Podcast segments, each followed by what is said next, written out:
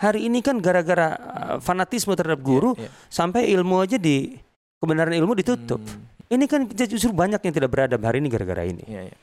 Imam Syafi'i mengatakan siapa yang ingin memperdalam maghazi tidak mungkin meninggalkan Ibnu Ishaq. Itu kan jelas menurut saya mengkritik Imam Malik, Iya, iya. gurunya. Berselisih mengkritik itu juga bukan otomatis mencaci. Loh, loh enggak lah. Kan adab Iya. kepada ilmu harus didahulukan dalam hal Iya. ini.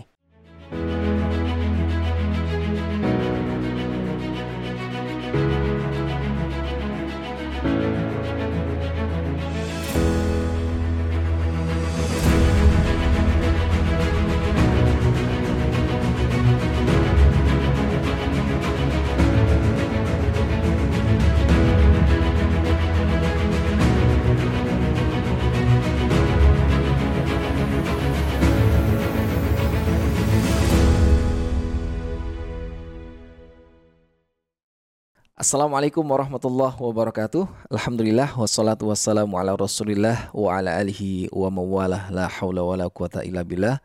Rabbi syrah li sadri wa yassir li amri wa hlul 'uqdatam min lisani yafqahu qawli wa ba'd. Alhamdulillah senang sekali saya Umar El Rozi bisa kembali menyapa sobat Siro ya, para pecinta Sirah Nabawiyah dan sejarah peradaban Islam di channel YouTube Sirah TV di podcast SCI. Kembali kita akan belajar seputar sirah nabawiyah dan sejarah peradaban Islam tentunya dengan guru kita yang juga sangat fokus dengan topik-topik seputar itu. Dan kali ini metode belajar kita agak lebih sederhana ya karena kita akan menyimak penjelasan dari pertanyaan-pertanyaan teman-teman yang sudah ditanyakan baik lewat channel YouTube ini atau juga di media sosial kami terutama di Instagram. Dan kita akan tanyakan dan diskusikan bareng guru kita di sini. Ada Ustadz Asyaf Sobari. Assalamualaikum Ustadz. Assalamualaikum warahmatullahi wabarakatuh. Masya Allah. Ahlan Ustadz. Ahlan sekali ini sudah kembali hadir untuk kita Ya. semua berbagi ilmunya. Dahsyat sekali waktunya habis untuk umat. Oh enggak lah enggak Oh, habis ada juga. ya? Iya iya iya. iya. masih masih terlalu sedikit lah yang kita Ah, berikan dan yang harus kita Hmm. berikan. Mhm. Ya mudah-mudahan Allah memberikan pahala dari yang sudah kita Amin, buat amin. dan kemudian memberikan Amin. kita taufik Amin. untuk bisa berbuat lebih gitu. Amin, amin. karena memang ya memang Ya. kita berlomba untuk Hmm. menabung eh, Hmm. sebanyak-banyaknya Hmm. pahala dan mudah-mudahan itu memberikan manfaat untuk umat. Intinya itu. Amin amin dan buat kita yang belajar tentunya semoga ini menjadi jalan kita semakin cinta dan kenal dengan sosok-sosok mulia terutama Rasulullah Shallallahu Alaihi Wasallam Allah sehingga harapannya kita bisa dikumpulkan dengan beliau. Amin ya rabbal alamin. Amin. Ya, baik Zat. Kita akan eh, bacakan beberapa pertanyaan yang masuk. Tentu ini juga sangat random dari beberapa topik yang sudah kita sampaikan. Hmm. di posting di media sosial atau di channel ini ya. Atau mungkin kita juga perlu mendorong kalau memang Hmm. ada pertanyaan silakan sampaikan melalui apa pun, mungkin nomor kontak juga yang ada Siap. gitu untuk kemudian kita simpan gitu ya Hmm, baik. di di bank pertanyaan gitu. Tuh, Iya. masukkan silahkan. Ada kegelisahan apa seputar sirah dan sejarah peradaban? Tuliskan pertanyaannya di eh, YouTube ini boleh atau di Instagram sekaligus juga di kontak person yang ada di link di bio ya. Silahkan tuliskan di sana. Insya Allah akan masuk ke meja redaksi dan kami akan tanggapi secara khusus di eh, Q&A kali ini. Terutama ini beberapa pertanyaan yang masuk. Sat. Fadal. Ada pertanyaan ini dari YouTube. Ustadz, saya baca kitab Dr. Muhammad Said Al-Buti mengatakan bahwa Al-Maghazi itu penulisnya adalah Ibnu Ishaq. Nah, itu bagaimana, Ustadz? Eh, tentu eh, tidak salah ya kalau memang eh, buku apa namanya Ibnu Ishaq itu judulnya Al-Maghazi. Ah, itu yang masyhur gitu ya. Tetapi sebenarnya judulnya bukan hanya Maghazi yang ditulis Ibnu Ishaq gitu. Jadi ada Al-Mabda gitu ya. Kemudian Al-Mab'as Tapi dan topiknya masih Al-Maghazi. sama, Siro juga. Oh iya kan Al-Mabda, Mm-mm. Al-Mab'as dan Al-Maghazi. Jadi kalau Al-Mabda itu sejarah sebelum Rasulullah Hmm. SAW dari Adam alaihissalam itu Mm. Al-Mabda, Mm. kemudian Al-Mab'as gitu ya. Itu dari kelahiran sampai beliau Hmm. Wafat. diangkat menjadi rasul Oh, gitu ya. diangkat. Diangkat rasul sampai Hmm, kemudian hijrah. Kemudian Al-Maghazi, Al-Maghazi itu Hmm. sejak eh, hijrah ke Madinah Hmm. gitu. Kemudian ada Ghazawat sampai Rasulullah SAW wafat Mm. gitu ya. Nah, tapi sebagian ulama kita m- menyebutnya secara ringkas Jadi hanya Maghazi. Maghazi saja. Hmm. Padahal kitab yang ditulis oleh eh, Ibnu Ishaq itu bukan hanya Maghazi, Maghazi salah satu bagiannya Hmm. gitu ya, satu bagiannya yaitu al- eh, tepatnya Al-Mabda, Al-Mab'as dan Al-Maghazi. Hmm. Dan kalau apa nah, tadi kan kesannya dari Syekh Al-Buti gitu ya. Iya. Eh, Syekh Al-Buti memang menyebutkan bahwa eh, buku Ibnu Ishaq itu berjudul Al-Maghazi, memang itu yang masyhur gitu ya. Hmm. Tapi bukan berarti beliau pertama menegasikan eh, tadi Al-Mabda dan eh, Al-Mab'as Hmm. karena beliau sedang membahas tentang apa namanya penulisan buku sirah ini saya tahu ini pada buku Syekh Al-Buti di tangan saya Hmm. gitu ya. sirah ya. Eh, Fiqh Sirah gitu ya. Dan saya menduga itu Fiqh Sirah maksudnya kan Hmm. dalam buku Al-Buti. Ketika beliau menulis di mukadimah tentang kaifa bada'at gitu, summa tatawarat kitabatu sirah. Jadi berbicara tentang penulisan sirah nabawiyah, sejarahnya gitu. Ini masalah historiografi. Eh, sejarah penulisan sirah nabawiyah itu seperti apa sih gitu loh. Nah, beliau mengatakan bahwa eh, secara umum gitu ya. Sirah itu eh, katakanlah ditulis awalnya bersamaan dengan hadis gitu ya Hmm. pada dasarnya. Hmm. Tapi kemudian kan para ulama eh, memisahkan sirah nabawiyah dari hadis gitu sebagai satu ilmu tersendiri kan gitu.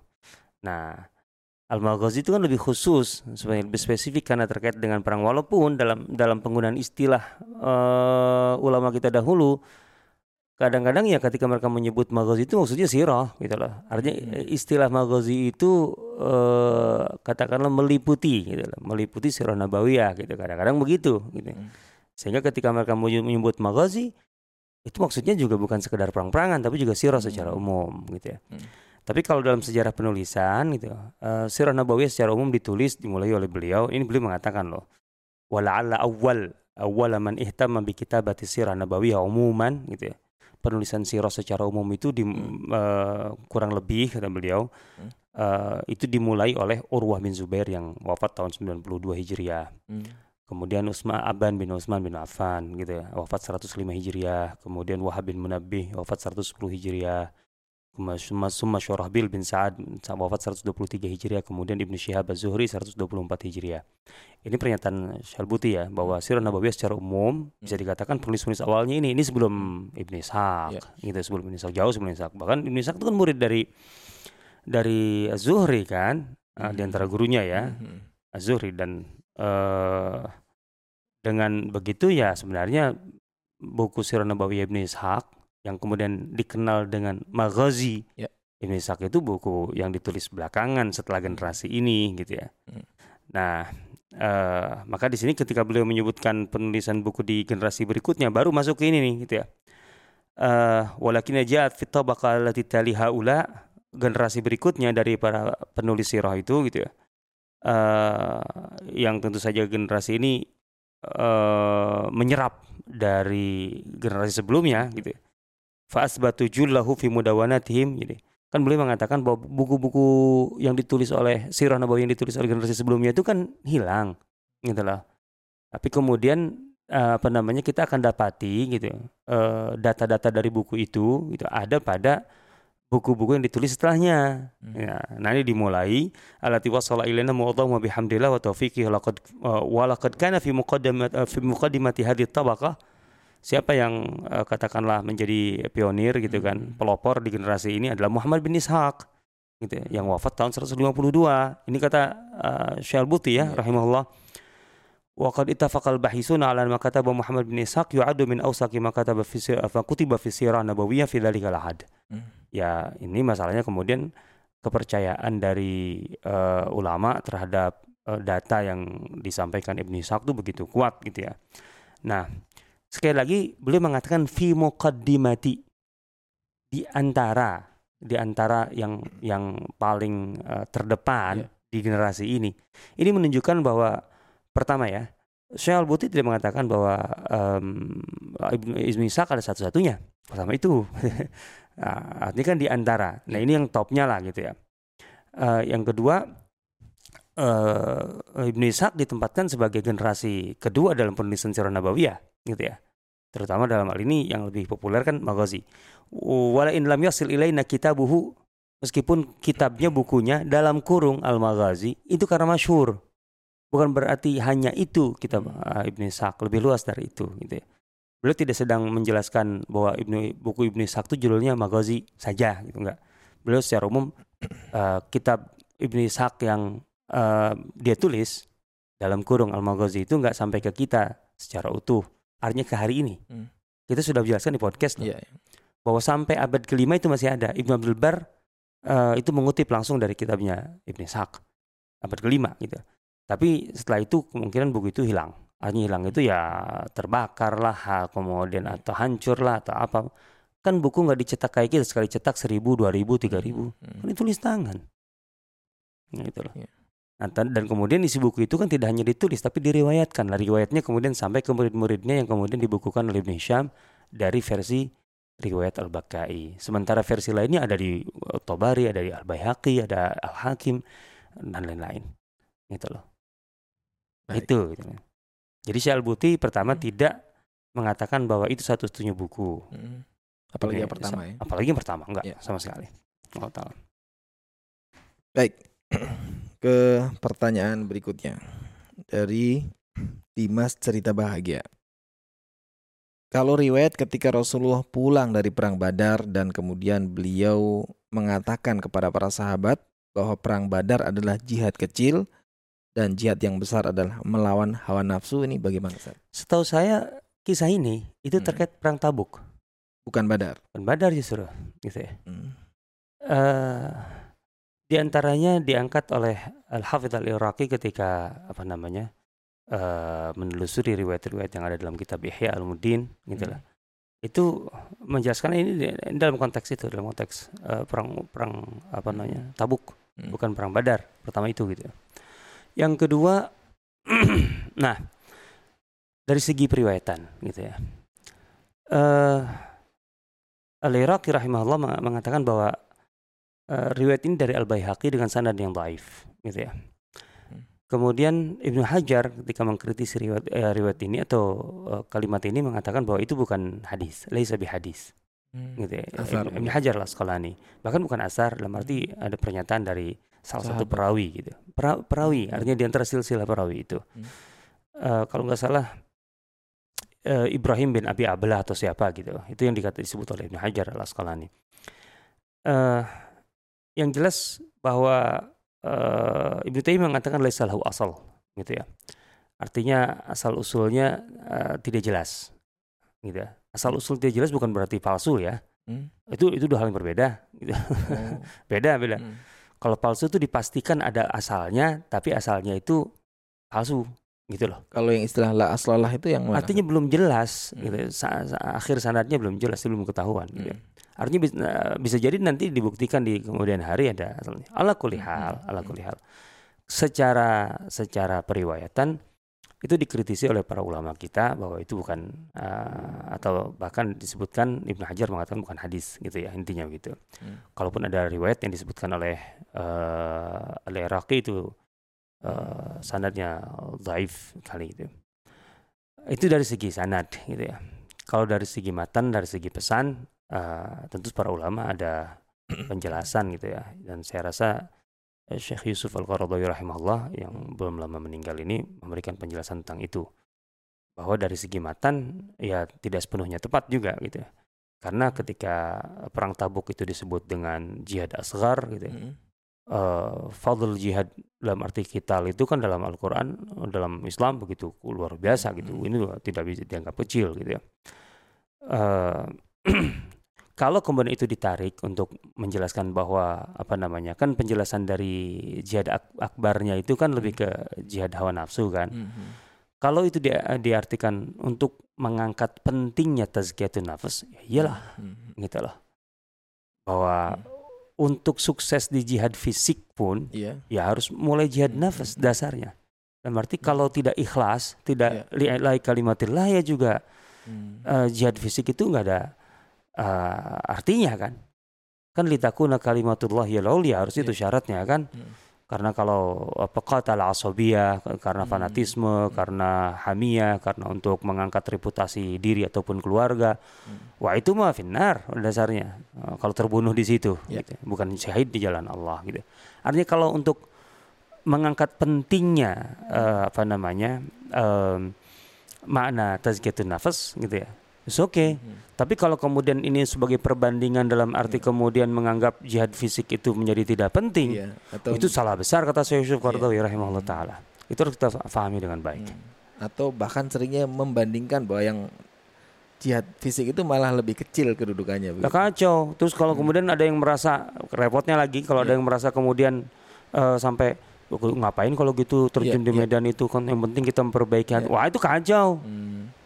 Padahal para para mujahidin, Iya. apalagi para sahabat yang bersama Rasulullah SAW itu kan eh, m- mereka adalah artinya faris uh, fikila al maidanain gitu. Artinya mereka adalah kesatria di dua ranah itu, di medan tempur ya, di medan Hmm, tazkiyah tazkiyah, iya. gitu. Kalau kita kemudian dengan dalih itu kemudian ya sudah nggak usah ngapain berpikir ke sana gitu. Loh ya nggak begitu gitu. Bagaimanapun kita tahu bahwa eh, pernyataan artinya hadis eh, Rasulullah SAW ketika ditanya oleh Jibril itu eh, di antara sahabatmu kelompok sahabat mana yang paling eh, terhormat atau yang dianggap paling eh, mulia lah gitu. Hmm. Artinya di antara para sahabatmu sendiri. Ya mereka yang perang ikut perang Badar. Gitu loh. Hmm. Kata Jibril apa? Begitu juga kami di tengah para malaikat itu malaikat yang ikut perang Badar itu paling mulia. Lah masa kita kemudian menjadi merendahkan sisi fisiknya di situ. Padahal kan tanpa fisik nggak ada kan apa namanya eh, veteran perang Badar atau syuhada Badar itu nggak akan ada. Kan gitu. Hmm, begitu cara memahami Ustaz ya. Eh, Saya Yusuf Qardi menjelaskan itu. Rahimahullah taala. Baik, eh, lanjut pertanyaan berikutnya, Set. Ini juga kayaknya terkait eh, topik kita tentang buku Ibnu Ishaq ya. Yang waktu kita, kita, kita Kayak menarik sekali tuh begini. Ada pertanyaan yang ini lang- langsung nyambung nih bentuk ini. Tapi yang mencela Ibnu Ishaq juga bukan orang sembarangan kan, Ustaz? Ini ada Irfan Ganteng.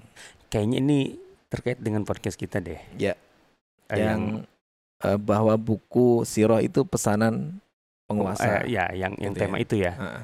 Eh, dan kita sudah bantah itu. Benar. Gitu loh. Eh, artinya bisa bisa di ini bisa dirujuk deh itu Iya, apa namanya. Nanti Tapi- kita cek di link di sini. Tapi kemudian ini pertanyaan ini terkait dengan masalah ketika kita apa namanya di di di podcast itu eh, menguatkan Ibnu Ishaq gitu. Mhm. Dan saya perlu sampaikan kalau ingin ingin tahu perspektif berbagai perspektif gitu ya tentang Ibnu Ishaq dalam arti penilaian para ulama tentang Ibnu Ishaq Mhm. tentu akan sangat baik kalau kita ambil di generasi berikutnya. Artinya tentu saja Ibnu Ishaq ini eh, menjadi sorotan dalam arti pro ataupun kontra kemudian ya. oleh banyak pihak dan sekian lama kan Mhm. sekian lama Ibnu Ishaq di abad kedua kan gitu. Nah ada Ibnu Sayyidin Nas sebagai ulama sirah juga, ulama hadis juga, ulama fikih juga, Syafi'i. Kalau nggak salah orang Mesir, beliau ini ulama Mesir. Ibnu Sayyidin Nas kitabnya Uyunul Athar. Hmm. Kalau nggak salah beliau itu abad ke-7, kalau tidak salah singkat saya, abad ke-7 atau abad ke-5, abad ke-6. Artinya kurang lebih 300 400 eh, tahun setelah Ibnu Ishaq. Dan sudah banyak pro kontra tentang Ibnu Ishaq, beliau menghimpun Hmm. gitu loh. Dan kemudian mengulasnya dalam mukadimah kitabnya Uyunul Asar eh fi anba al-maghazi wasiyar gitu ya. Itu bisa dibaca di situ lengkapnya. Dan beliau menjelaskan dan eh, beliau menguatkan bahwa Ibnu Ishaq itu eh, bisa sangat-sangat dipercaya gitu. Nah, ketika pertanyaannya tapi kan yang mengkritik katakan Iya, ya, Ibnu Ishaq atau yang mer- merendahkan Ibnu Ishaq juga kan orang ter ya iyalah. Kalau enggak dari awal enggak perlu dibahas. Oh iya. Lah ya, Ini siapa ya kan? lah ya, iya. nggak punya kedudukan ngomongin. Lah ya iya kan nggak perlu dibahas ya. Artinya kalau anak Oh. misalnya kalau anak SD mengkritik eh, dokter ataupun ngor- guru besar gitu ya, ya nggak usah dibahas ngapain juga gitu kan capek-capek gitu loh. Ya betul, justru Iya. karena yang mengkritiknya juga bukan orang sembarangan, maka kemudian jadi pembahasan para ulama kita gitu lah. Dan dalam hal ini menurut saya udah clear diselesai itu di di apa namanya Oyunul Asar aja ya selesai gitu. Iya. Tapi oke lah. Dan kasus kayak gini kan nggak hanya terjadi dengan Ibnu Ishaq. Ustaz, Oh, ya? enggak banyak, Di- banyak, Ya, banyak. termasuk ya ulama-ulama fikih kita Ya. juga kita kenal ya ada. Mm, ya pokoknya Ya, ya. ini bukan bukan hanya satu-satunya kasus Oke. lah kayak gini. Ya setelah setelah Uinul Asar dan setelah Ibnu Sayyidinas hmm. kita bisa uh, lihat bahwa setelah itu pun masih dibahas kok karena kemudian generasi berikutnya seperti Ad-Dhahabi gitu hmm. ya uh, juga mengulas masalah ini kemudian uh, uh, Ibnu Hajar juga mengulas tentang masalah ini gitu ya. Hmm. Jadi uh, artinya tetap menjadi perhatian. Ya kalau kita kita gabungkan antara Ibnu Sayyidinas kemudian uh, taruhlah generasi Ad-Zahabi kemudian Al-Mizi Ad-Zahabi kemudian Ibnu Hajar ya sudah selesai menurut saya hmm. udah clear lah udah masa sudah tujuh abad dibahas nggak selesai juga kita nggak merasa hmm. cukup saya rasa udah cukup sebenarnya udah selesai clear itu hmm. tapi perlu saya sampaikan bahwa yang katakanlah yang bisa dianggap sebagai kritikus utama gitu loh kritikus utama uh, Ibnu Ishaq itu kan yang semasa gitu loh hmm. yang semasa kurang lebih dalam hal ini adalah Imam Malik dan Hisham bin Urwah Ya bukan sembarangan ya, lah. Ya. Jelas lah nama ini. Imam Malik dan Hisham bin Urwah. Hmm. Itu kan memang kritik Ibnu Ishaq. Kan gitu. Artinya yang lain kurang lebih lah gitu jadi jadi kelanjutan aja gitu lah. Uh, karena kalau kita tadi uh, menimbang apa namanya uh, Imam Malik dan Hisham bersama uh, katakanlah hmm. grupnya di satu hmm. sisi yang mengkritik uh, Ibn Ishaq, Ibn Ishaq, hmm tapi kan di sisi lain kan juga nggak gemen-gemen gitu yang saya yeah, gitu. Yeah. Ibnu Hibban saya mengatakan Amirul Mukminin fil hadis. Hmm. Az-Zuhri memuji Az-Zuhri gurunya memuji yeah, Ibnu yeah. Ishaq hmm. muridnya. dan dan menjadi menarik juga kalau sekali berimam Malik sampai hmm. mengomentari ini kan bukan Nah, sekarang kita cari detailnya. Ini yang menarik. Imam Malik itu pernah mengatakan begini, artinya ketika ketika arti konflik Imam Malik dengan Ibnu mm Ishaq itu mengata, mengungkapkan kata-kata ini dajjalun minad dajajilah. Oh. Ibnu Ishaq itu dajjal. Hmm. Ya sifat dajjal kita tahu kan. Hmm. Itu termasuk pembohong bla bla bla bla kan gitu kan. Artinya bisa ditangkap, bisa ditarik ke situ hmm. gitu loh. Itu. Kita satu-satu lah Imam Malik dulu ya. Hmm. Intinya kalau kita baca Imam Malik dengan Ibnu Ishaq itu kan satu periode. Walaupun Ibnu Ishaq meninggal lebih dulu, 151, hmm. ada yang mengatakan 152. Hmm. Ada yang mengatakan 150. Soal kuliah 150-an lah. Secara usia juga seumuran Zat, atau? Lebih sedikit lebih tua Ibnu Ishaq. Oh, Uh, tapi kurang lebih lah satu satu masalah okay. gitu ya. Sementara e, Imam Malik kan 179 meninggalnya gitu ya. 29 tahun setelah atau 27 tahun setelah Ibn Ishaq. Ya lebih tua, lebih lama juga usianya otomatis. Hmm. Nah, yang jelas kurang lebih satu periode, satu angkatan lah artinya di masa hmm. yang sama. Nah, uh, Ibn Ishaq itu setelah ke Mesir cerita ceritanya kan di usia 30-an tahun dia ke Mesir untuk menimba ilmu di Mesir dan sebagainya. Sementara Imam Malik nggak pernah keluar kan, selalu hmm. di Madinah. Tapi memang waktu itu ulama-ulama Madinah luar biasa banget. Artinya kalau orang tinggal di Madinah udah ulama udah ke mana-mana, ilmu udah ke mana-mana. Hmm dia misalkan kemudian ke Mesir. Nah, dari ke Mesir, pulang dari Mesir, otomatis dia punya uh, sumber-sumber uh, yang uh, apa namanya yang berbeda dari Imam Malik. Dalam arti berbeda sini ada ada ada tambahan kan, hmm. tidak hanya Madinah gitu ya.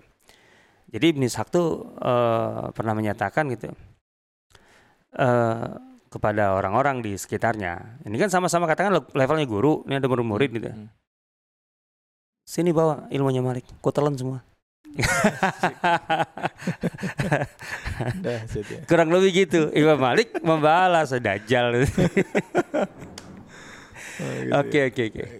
Intinya memang ini bisa diartikan jarah. Ini bisa diartikan apa namanya ya sebagai sebuah uh, penilaian yang merendahkan dari uh, apa namanya kualitas seorang uh, Ibn Ishaq dan itu dilontarkan oleh seorang Malik iya, gitu iya. kan. Nah cuman kan para ulama kita punya kaidah gitu ya. Uh, apalagi ketika kita berbicara tentang orang-orang yang memang pada dasarnya dia berilmu ya gimana enggak orang Azhuri aja merekomendasikan kok gimana sih gitu hmm. Azhuri itu kalau kalau tidak sempat ngajar minta itu uh, apa namanya kalian belajar ke sana ke apa namanya minta riwayatnya dari Ibn Ishaq gitu loh yeah. gitu loh I, artinya ketika pada sana orang itu diakui integritasnya, tapi kemudian dia mengkritik. Hmm. Nah, dalam kaidah uh, jarah dan ta'dil itu yang masyur. Al jarah itu harus mufassar.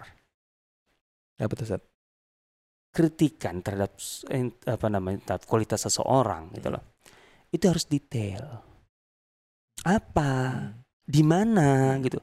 Masa ibarat kata uh, istilah katakanlah Ibnu Ishaq menguasai sekian ribu riwayat gitu. Kemudian dia jadi uh, semuanya berbohong dalam semuanya. Ya. Ketika ketika kita ambil tadi kita ambil dari kata dajjal itu kan pembohong contohnya gitu ya. Hmm. Apakah semua dia berbohong dalam semua riwayat itu? Kan nggak mungkin. Iya. Harus detail. Parsial ya. Di bab mana gitu ya. Lah ya harus harus harus spesifik. ya. Harus spesifik. Al-jarah mufassar. Dalam arti tidak ada. Tidak ada. Hmm. Satu, hmm. gitu lah kan. Yang kedua, kaidah yang sangat masyur. Kalau ini terjadi hal seperti ini, gitu loh, saling menjatuhkan. Tapi e, berlaku atau terjadi e, di antara orang-orang yang satu periode satu angkatan. Hmm. Ketika kemudian apa namanya tadi tidak ada alasan-alasan lain yang bisa menguatkan jarah ini, Intinya kalam al-aqran artinya kritikan antara orang-orang yang satu angkatan. Idribihi ardal haid. Lemparkan ke tembok. Jangan dianggap. Itu ma'ruf dalam kaidah jarah tadi, itu diketahui gitu loh. Jadi dalam hal ini sulit diterima gitu loh yang dikatakan Imam Malik dalam arti yang sungguhnya secara hmm. objektif gitu loh. Nah, dari situ kita paham kenapa Imam Malik kemudian uh, tidak pernah merekomendasikan Ibn Ishaq. Ya iyalah. Hmm. Oh, no. gitu, gitu lah. Terus kemudian kedua, Imam Malik merekomendasikannya uh, Maghazi Musa bin Uqbah. Hmm. Artinya ada ada gantinya kok. Gitu. Intinya kan gitu. Kalau kalian ke sana ada gantinya kok. Alikum bi Maghazi Ibnu Uqbah. Kalian pelajari lah apa namanya Maghazinya Ibnu Musa bin Uqbah. Tanpa menyebut Ibn Ishaq. Ya iyalah emang dasarnya kan itu, Mas ada masalah gitu. Tapi lihat kemudian Imam Syafi'i. Jadi penting pernyataan Imam Syafi'i di sini. Menurut saya sebagai hak, hakam, sebagai pengadil. Gitulah. Imam Syafi'i itu kita tahu murid Imam Malik kan. Hmm. Bahkan sangat-sangat loyal kepada Imam Malik kan. Dan sangat menghormati, menghargai Imam Malik. Kita tahu itulah. Itu adabnya Imam Syafi'i kepada Imam Malik. Tapi ketika masalahnya adabnya kepada ilmu, hmm. nah, itu harus lebih didahulukan. Artinya jangan sampai membenarkan kekesalahan, kekeliruan, kekurangan guru gitu ya dengan menutupi kebenaran ilmu. Imam Syafi'i itu mempelajari sirah sangat dan itu uh, terlihat sekali dari pernyataannya gitu ya. Man arada ayyatabahhara fil maghazi ada yang mengatakan dengan redaksi tabahhar man arada al maghazi gitu ya. siapa yang ingin intinya memperdalam memilih pengetahuan yang mendalam tentang maghazi? Fahuwa ayalun ala ibn Ishaq. Pasti bergantung pada ibn Ishaq Imam Syafi'i ini. Imam Syafi'i lah. Kita mau mengatakan Imam Syafi'i kemudian apa namanya uh, dalam tanda petik melawan gurunya atau tidak beradab? Ya enggak lah. Imam Syafi'i itu justru ini bagian dari adab. Hmm. untuk objektif terhadap uh, ilmu. Ilmu ya. Iya. Iya. Itulah betul secara secara tidak langsung mengkritik gurunya hmm. Imam Malik. Tapi itulah hmm. adabnya para ulama kita mereka tahu mendapatkan adab. Hari ini kan gara-gara uh, fanatisme terhadap guru yeah, yeah. sampai ilmu aja di kebenaran ilmu ditutup. Hmm, hmm. Ini kan justru banyak yang tidak beradab hari ini gara-gara ini. Yeah, yeah. Imam Syafi'i mengatakan hmm. siapa yang ingin memperdalam maghazi, hmm. kalau untuk uh, isu maghazi tidak mungkin meninggalkan Ibnu Ishaq. Itu kan jelas menurut saya mengkritik Imam Malik, yeah, yeah. gurunya. Berselisih mengkritik itu juga bukan otomatis mencaci. Loh, loh enggak lah. Makanya adab kan adab yeah. kepada ilmu harus didahulukan dalam yeah. hal ini. Bukankah itu ajaran Imam Malik sendiri kan? Kalau hari ini kita saksikan kalau berselisih sama dengan ya itu dia makanya. Masalah selisihnya kenapa? Kalau masalahnya memang ada masalah Ilmu. keilmuan yang memang harus diakui bahwa hmm. yang benar adalah ini kenapa tidak? Al haqqu ahqqu ayyuttaba. Kebenaran harus lebih didahulukan diprioritaskan hmm. untuk kita ikuti. Bukan orangnya. Dan itu juga itu adalah prinsip Imam Malik kan. Jangan ikuti Malik karena Malik. Tapi karena hmm. dari mana Imam karena. Malik itu mengambil? Iya. Kan? Nah, nah ini yeah. tuh. Itu Malik. Yang kedua Urwah. Kalau Urwah, para ulama kemudian melihatnya ini lebih karena apa namanya? Karena cemburu. Hmm. Ibnu Ishaq pernah menyatakan, aku mengambil riwayat ini dari aduh istrinya istrinya Hisham itu kalau nggak salah Fatimah atau saya lupa namanya gitu. Uh, Artinya aku mengambil ini riwayat ini dari apa namanya? Uh, itu istrinya Hisham bin Urwah itu. Hisham cemburu. Sejak kapan dia ketemu istriku?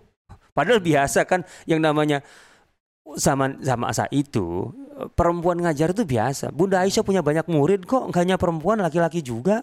itu dari Bunda Aisyah. Apalagi generasi seterus- seterusnya. Hmm. Banyak ulama kita yang kemudian gurunya wanita. Banyak Ibnu Asakir kalau nggak salah lebih 50 gurunya wanita. Itu biasa kok dalam tradisi kita. Cuman kan kalau cemburu kan susah di, Iya. ditarik eh, ujungnya tuh ya cuma namanya cemburu gitu. Guru tuh maksudnya mengambil satu riwayat saja sudah bisa disebut guru. kan? Otomatis dong. Tidak, harus bermulazamah gitu. Enggak, ya enggak Dalam mesti, enggak mesti. Tapi itu itu punya bobot tersendiri Oke. mulazamah gitu Iya. ya. Hmm. Gitu ya. Ya karena bagaimanapun ketika kita mengambil ilmu dari seorang ya jelas itu guru kita. Hmm. Artinya dalam konteks ini mungkin saja kan Ibnu hanya mengambil satu. Tapi nggak mungkin satu dua karena memang pada dasarnya punya majelis Oh gitu. atau ditanya banyak orang Iya. karena memang berilmu Hmm. dan waktu itu budaya Madinah budaya ilmu kenapa enggak? Kan gitu. Cuma saya kalau udah cemburu kan susah. Iya. iya. cemburu kan lo, nggak logis. Iya. Perasaan lebih dominan ya. Lu cari logikanya di mana gitu kan. Nah, jadi lebih ke situ gitu loh. Ke situ. Itu yang paling menurut saya paling inilah eh, paling bisa eh dikedepankan lah hanya kritik Imam Malik ini. Sementara yang lain, yang lain ini juga perlu. Ini kaidah ini berlaku untuk untuk Ibnu Ishaq, untuk eh kemudian yang lain-lain juga. Hmm. Bedakan antara kritik ulama kita Ya. gitu dalam ranah hadis dengan ranah di luar hadis Hmm. Ketika mengkritik Ibnu Ishaq dengan kritikan yang tajam dalam ranah hadis gitu ya. Hmm. eh ya dalam hal ini yang paling bisa dikatakan paling eh, fair itu tadlis yang dilakukan oleh Ibnu Ishaq. Tapi tadlisnya Ibnu Ishaq itu tadlis yang sifatnya ringan. Karena kemudian ada riwayat-riwayat lain yang membuktikan tadlisnya itu eh, jelas lah gitu, ada sumbernya. Tadlis itu artinya menutup salah satu rawi untuk kemudian menisbatkan riwayatnya kepada rawi yang lain. Gitu lah. Nah, tapi yang ini tuh kemudian dijelaskan oleh Al-Baihaqi, oleh Al-Hakim dan lain sebagainya dalam riwayat yang lain dari Ibnu Ishaq. Itu menunjukkan tadlisnya itu tadlis apa namanya yang apa namanya yang ringan lah gitu ya. Dan itu tidak tidak sampai pada tahap kemudian bobot riwayatnya. Riwayat hadisnya sekalipun kita bicara, riwayat hadisnya sekalipun kemudian jadi eh, lemah, enggak. Hasan pada secara umum secara umum hasan gitu. Nah, itu kalau kita bicara di ranah hadis. Kalau di ranah hadis ulama kita memang banyak yang ganas kan dalam arti keras Iya. gitu. Ada- ya, itu pun ada mazhab lah. Hmm. Kritik hadis itu ada yang mutasyadid, ada yang ekstrim, ada yang Hmm. sedang, ada yang mutasahil, ada yang eh, gampangan gitu. Tapi kalau bicara tentang sirah semua sepakat, konsensus semua ulama. Ibnu Ishaq adalah eh, imam dalam masalah hadis, ada dalam dalam masalah Sirah. sirah. Riwayat. Itu ulama-ulama kita. Yang mengatakan ulama-ulama hadis loh. Hmm. Ibnu Hajar, Al-Zahabi gitu loh. Hmm. Jadi jangan jangan jangan eh, apa namanya mudah untuk kemudian wah ini ulama ini dikritik Hmm. lemah. Siapa yang mengkritik dalam ranah apa? Kalau dalam ranah eh, hadis bisa lemah. Emangnya contohnya kita kira kalau Al-Qur'an saja, kita ambil dari siapa? Hafs Anasim. Emangnya Hafs dalam diri Bang Hadis kemudian apa namanya seperti Bukhari? Enggak. Dia Hmm. tergolong rendah kalau dalam hadis. Karena banyak faktor untuk menentukan, artinya banyak ilal gitu, faktor yang melemahkan seseorang dalam bidang hadis, gitu loh. Tapi bukan berarti kemudian dia rendah ya. Iya. dalam masalah kiroat jangan tanya ulama hadis akan belajar ke dia. Hmm. Unik ya memang ya. Kita harus pahami Iya, itu, kita harus pahami itu, Hmm. gitu loh. Ya, oke. Allah taala. alam. Baik, satu pertanyaan lagi mungkin saja Ah, dan saya nggak yakin ini bisa dijawab pendek ini karena ini Waduh. bisa jadi satu topik tersendiri. pendek aja lah. Oke, dari Enigma. Apa hikmah atau alasan mengapa Rasulullah disusukan atau dititipkan ke Wah iya, iya ini mah kalau gini mah. Satu topik sendiri ya. Tapi mungkin sebagai permulaan ini jawaban Gini, singkat dasar. gini. Pertama itu memang tradisi ya, itu kebiasaan kok. Bukan hanya Hmm. Rasulullah SAW yang disusukan ke Badiah. Artinya ke pedalaman. Ya. Dari kota ke pedalaman. Ini intinya sebenarnya dari kota ke pedalaman, Mm, gitu ya. Ya. Artinya dari dari Mekah ke Badiah. mm, Ke Bani Sa'ad saja kan sebenarnya eh Hamzah pamannya Rasulullah itu kan juga disusukan sebelum Rasulullah kan. mm. Lahirnya kan sebelum Rasulullah. Itu juga di, di, di- disusukan ke Bani Sa'ad. Sama. Abu Salamah setelah Rasulullah SAW itu kan disusukan ke Mm. ini. Makanya menjadi saudara susu Rasulullah SAW. Gitu ya. Sama-sama dari Halimah. Gitu. Jadi karena Halimah sebelum sebelum menyusui Rasulullah pernah menyusui Hamzah. Mm. Jadi satu ibu. Ibu susu. Gitu gitu. Begitu, begitu juga Abu Salamah. Gitu loh. Jadi eh, ini bukan hanya Rasulullah SAW. Tidak, tidak hanya beliau pertama. Ya. Ini memang memang budaya. Orang kota saat itu biasa menyusukan anaknya ke eh, mana ke pedalaman. Nah, ini bukan semata-mata masalah persusuan sebenarnya. Eh, lebih kepada kesadaran terhadap eh, lingkungan awal yang dibutuhkan oleh seorang bayi dalam di masa pertumbuhannya. Hmm. Ada kesadaran itu, gitu loh. Orang-orang kota tuh mengkhawatirkan pertumbuhan bayi di di, di kota, gitu loh. Itu tidak akan eh, ideal, seideal kalau dia di pedalaman. Untuk apa? Hmm. Untuk masa depan si anak. Dari berbagai aspek, aspek fisik dan non fisik, gitu ya. Kalau aspek fisik, eh, pertama karena kalau kota ini kan didatangi oleh banyak orang, apalagi Mekah. Mekah itu kan terbuka, Mm. subhanallah. Ada gelodoknya, masuk. Bukan Eh, efek ini ya. Bukan. Jadi kan Mekah itu kota terbuka. Artinya orang datang dan pergi. Dari berbagai kelompok masyarakat, dari berbagai tempat. Mm. Dan itu sangat bisa membawa penyakit-penyakit yang ada kesehatan. ya. ah, isu kesehatan. Maka ketika anak itu eh, lahir dan kemudian tumbuh, mereka punya kesadaran bahwa di masa pertumbuhan yang eksklu, katakan eksklusif dan sangat premium ini, Mm. ini harus bebas dari ini. Mm. Maka ke Badia, karena Badia itu nama juga Badia, siapa yang pulang pergi ke Badia? Nggak ada pada dasarnya. Kalau ada ada orang yang tidak sengaja aja lewat situ kan gitu, dan itu pun nggak mesti bersentuhan dan nggak akan lama. Beda kalau di kota, memang sengaja datang ke Mekah bisa bisa bahkan sebulan bisa lebih musim haji. Mm. Kalau musim pasar aja di Ukaz eh, 20 hari di Majannah 10 hari, Dhul Majaz 8 hari, kan sudah satu bulan lebih, belum dengan pelaksanaan haji totalnya. Itu masalah kesadaran terhadap kesehatan Mm. gitu ya, pertumbuhan lingkungan. Ya belum kemudian eh, aspek mental gitu ya. Eh, ya di daerah pedalaman yang serba terbuka dan lain sebagainya gitu. Dan bahasa. Mm. Kan Bahasa jadi concern juga. Oh Ustaz. iya, jelas. Karena mereka sangat mementingkan bahasa. Kecerdasan bahasa tuh mereka sangat pentingkan. Di Mekah orang datang dari mana-mana membawa lahjah Mm. gitu ya. Oh iya. iya. yang berbeda-beda. Iya. Sehingga tidak murni satu lahjah kan gitu. Mm. Sementara di Badia satu lahjah. Sehingga kemudian dia tumbuh dengan dengan dengan satu bahasa yang jelas dan dari situlah eh, logikanya kekuatan logiknya terbangun. Lah kan bahasa kan kecerdasan logika, Mm. nalar. Gitu loh. Untuk mengungkapkan segala sesuatu, ide, gagasan dari situ gitu. Dari satu bahasa dasar itu. Maka Rasulullah SAW itu kan bahasanya kuat. Nah, begitu sudah punya dasar kuat di di, di Hawazin, kemudian eh, ke Mekah kan. Beliau sudah dan Mekah punya kualitas bahasa yang sangat tinggi. Nah, dan beliau sudah punya proteksi untuk kemudian tidak terkontaminasi dengan bahasa lain karena sudah terbentuk dari awal. Dan itu yang membuat kemudian Abu Bakar sebagai Abu Bakar itu antropolog ya, Iya. sosiolog antropolog yang mengenal banyak luas sekali apa apa namanya eh, wawasannya tentang berbagai kabilah dengan segala kekhasan bahasan dan sebagainya dan puisi-puisi mereka Abu Bakar hafal. Abu Bakar tuh pernah mengatakan begini ya Rasulullah sama raaitu min eh, afsaha mink. Aku tidak pernah menjumpai orang lebih fasih daripada engkau dalam berbahasa. Lo yang ngomong Abu Bakar lo ya dengan Iya, segudang iya. pengalamannya guru besar istilahnya.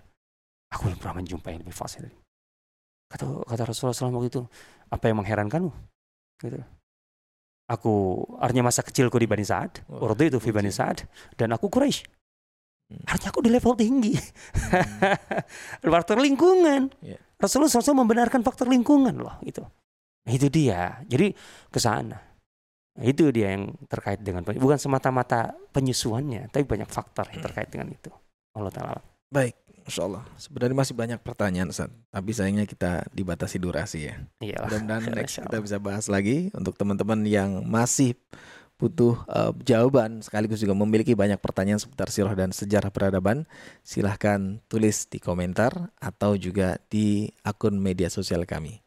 Akhirnya saya dan juga narasumber Ustaz Tasir Sobari undur diri. Subhanakallahumma bihamdika. Asyhadu an la ilaha illa anta astaghfiruka wa atubu ilaik. Assalamualaikum warahmatullahi wabarakatuh. Waalaikumsalam warahmatullahi wabarakatuh Alhamdulillah.